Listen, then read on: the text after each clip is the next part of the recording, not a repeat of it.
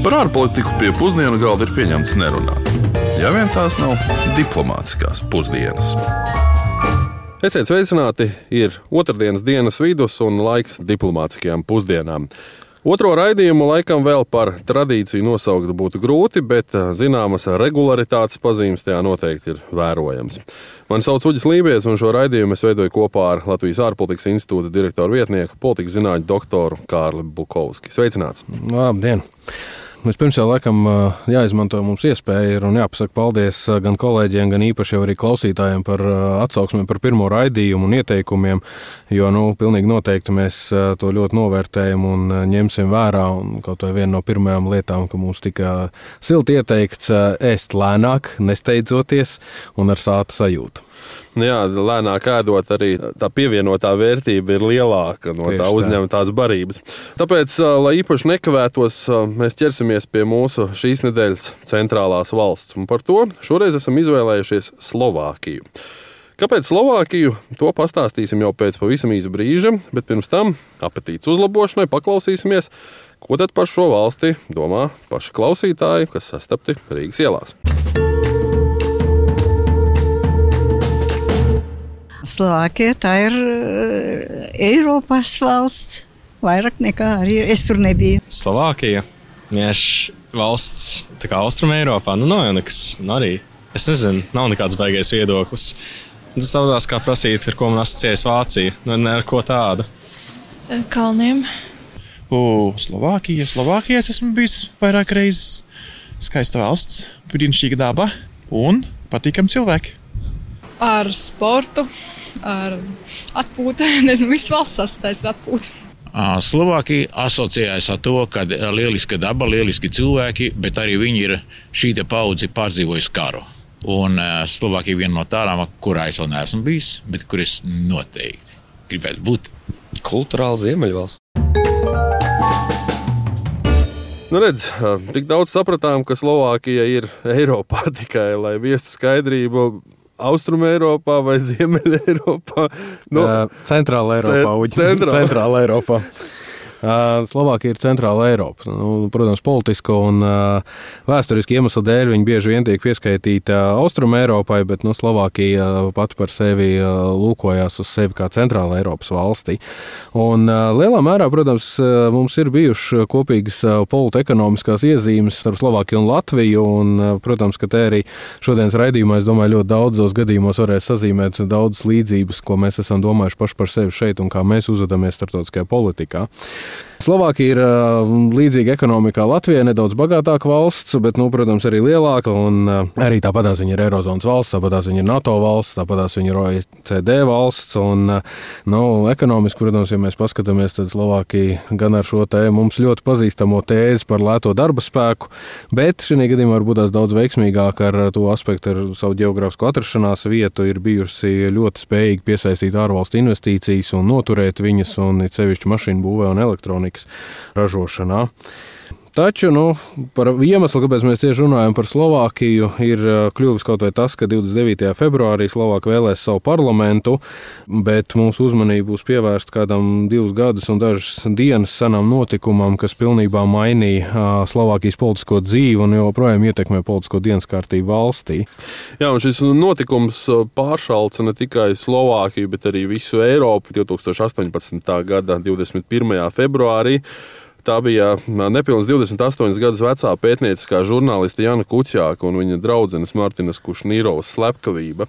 Šī slepkavība aizsāka ļoti plašus ielu protestus Slovākijā, un tie bija lielākie kopš samta revolūcijas 80. gadu beigās.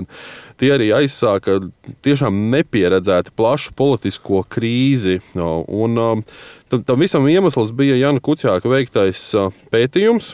Viņš kopā ar čehu un itāļu kolēģiem aktīvi pētīja un arī atklāja dažādas iespējamās saiknes starp Itālijas mafiju un Rangeta ar dažādām finanšu grupām, oligarhiem un arī Slovākijas sociāldemokrāta partijas politiķiem, tā bija valdošā partija, tika atklāta arī saistība ar tiesnešiem un prokuroru korupciju. Tika atklāti policisti, kur vienkārši varēja likt dažādām lietām tiesā pazust runājot par itāļu mafiju, tika apgalvots, ka ar to ir saistīta arī tā brīža premjerministra Roberta Fico palīdze Marija Troškova.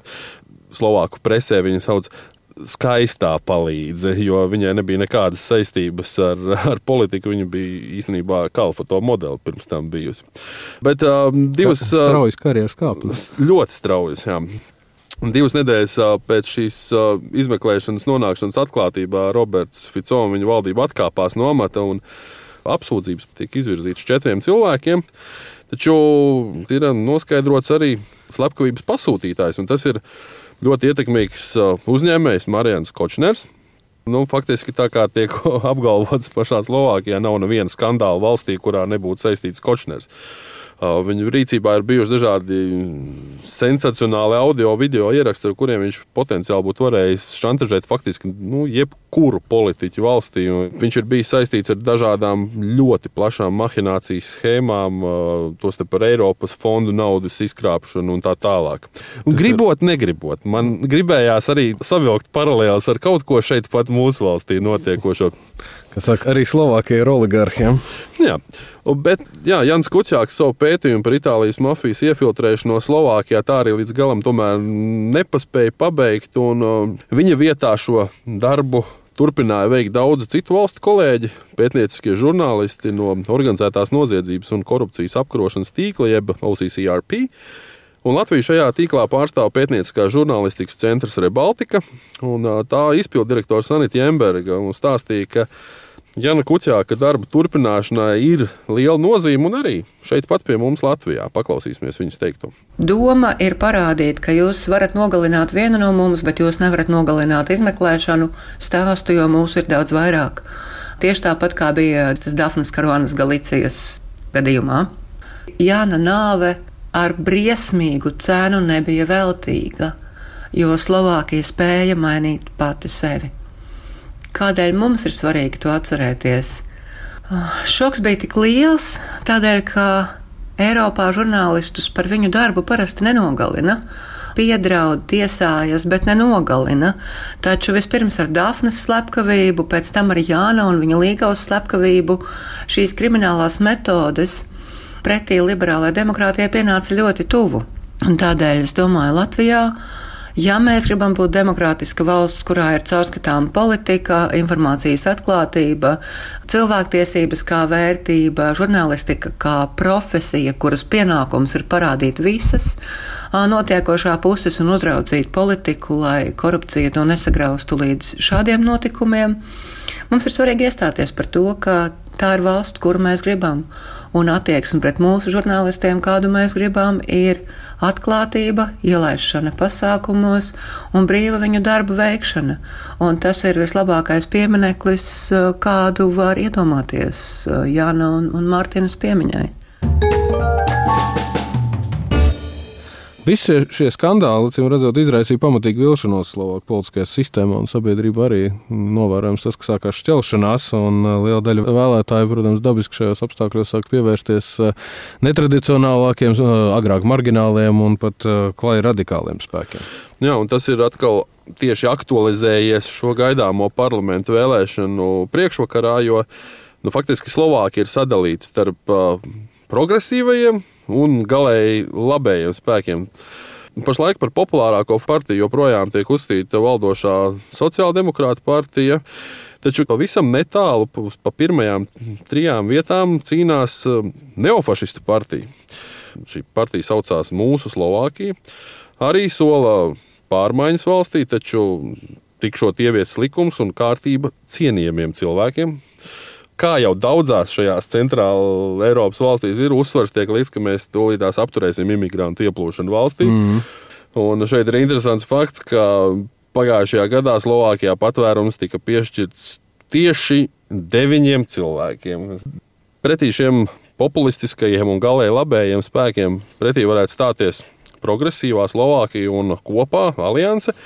Tās ir divas relatīvi jaunas un liberālas partijas, un tieši pēc Jana Kuciāka slepkavības tās kļuva ar vien populārākas, un uz šī viļņa ar progresīvu atbalstu par prezidentu tika ievēlēta arī Zuzana Čaputova, kas ir tiešām centusies uzlabot Slovākijas tēlu Eiropā un arī pasaulē. Un, starp citu, runājot tieši par um, Slovākijas tēlu, Bratislavas Komenijas Universitātes Eiropas un Startautisko tiesību asociētā profesore Lucija Mokra norāda, ka no šīm vēlēšanām būs atkarīgs, kāds tad būs Slovākijas uh, turpmākais tēls Eiropas Savienībā un arī kaimiņu reģionā murder of the journalist Jan Kuciak and his fiancée two years ago. Jana Kuciaka un viņa līgavas slepkavībai bija tieša ietekme uz Slovākijas sabiedrību. Tiks arī kots plašas protesta akcijas. Arī pirms dažām dienām Bratislavas centrālajā laukumā, pieminot slepkavības otro gadskārtu, notika demonstrācija. Cilvēki ir kļuvuši ieinteresēti publiskās diskusijās, ieinteresēti politikā un ir palielinājusies viņu vēlme piedalīties vēlēšanās.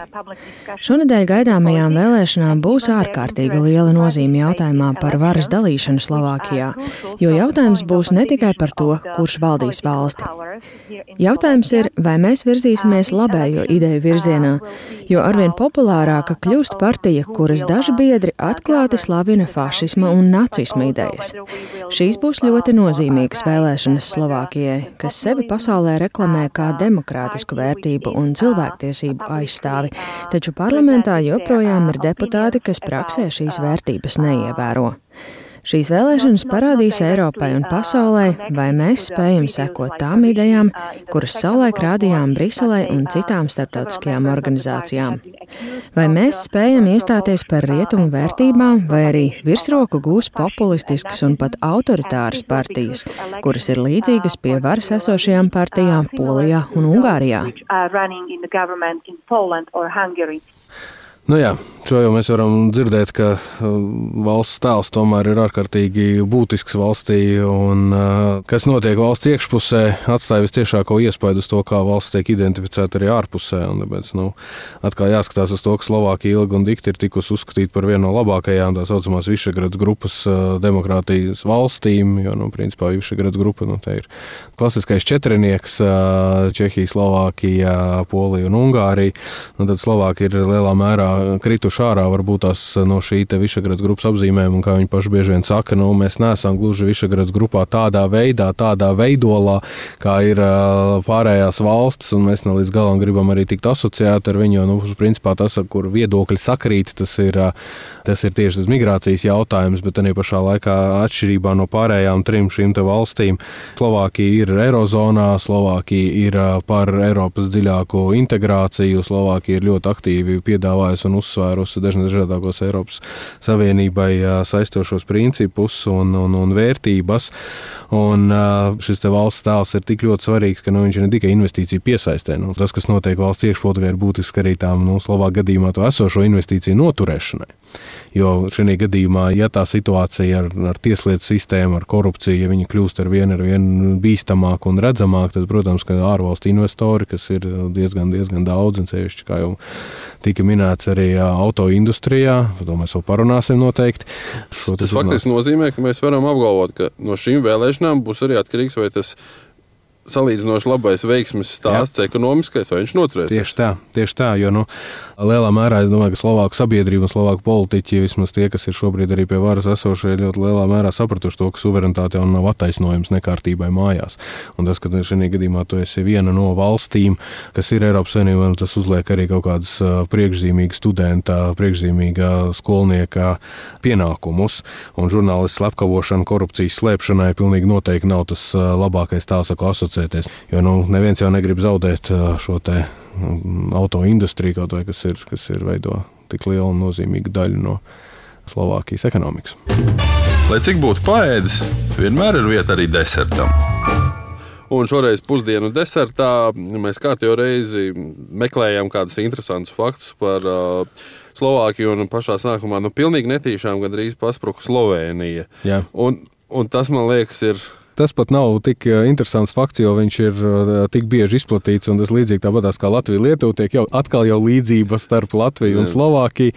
Uh, Mēs arī skatījāmies dažādus faktus, un nu, ir divu veidu slavenības, kas viņiem ir hokeisti Un Andy Warhola izcelsme ir, ir, ir Slovāks. Jā, nu, un par hokeistiem mums te aizkadrā ir radušās nopietnas, nopietnas profesionālas domstarpības. Nu, jo, es nekomentēšu. Bet uh, interesants fakts ir par to, kur joprojām Slovākiem tomēr iet un ļoti labi. Un tu jau par to aizsāki runāt pirms tam. Runa ir par to, ka par auto industriju jau mēs sākām runāt. Tu zināji, ka Slovākija 2019. gadā vien saražoja 1,1 miljonu automašīnas. Nezināju. Ņemot vērā, ka viņiem ir 5,4 miljoni iedzīvotāji, tas ir faktiski katrs piektais iedzīvotājs valstī pagājušajā gadā saražoja pa automašīnai. Viņi liek kopā tās mašīnas, tās detaļas no tām mašīnām, ko mēs arī šeit nu visticamākais braucam. Jo tā paša Volkswagen rūpnīca ražotos to regus un Q7 un Porsche Cayennes, ar kurām mums te droši vien pa ielām diezgan daudz braukā. Vēl bez tā, ka arī Citroen un Kijas un Jaguar Land Rover rūpnīcas atrodas Slovākijā. Tā kā droši vien ejot mājās, paskatieties, kur ir ražots jūsu Porsche, Volkswagen vai Kia. Varētu būt arī ja, Slovākija. Ja ir ražots Slovākijā, nevajag sabīties, tas ir tikai dabiski un normāli. Jā, tieši tā, jo, kā jau mēs noskaidrojām, ir ļoti daudz līdzību starp Slovākiju un Latviju. Un ar to arī mūsu pusdienu laiks ir pienācis noslēgumam. Mēs tiksimies jau pēc nedēļas šajā pašā laikā, otrdienā, 12.30. Uz sadzirdēšanos! Vislabāk! Diplomātiskās pusdienas katru otrdienu pusdienos Latvijas Radio 1.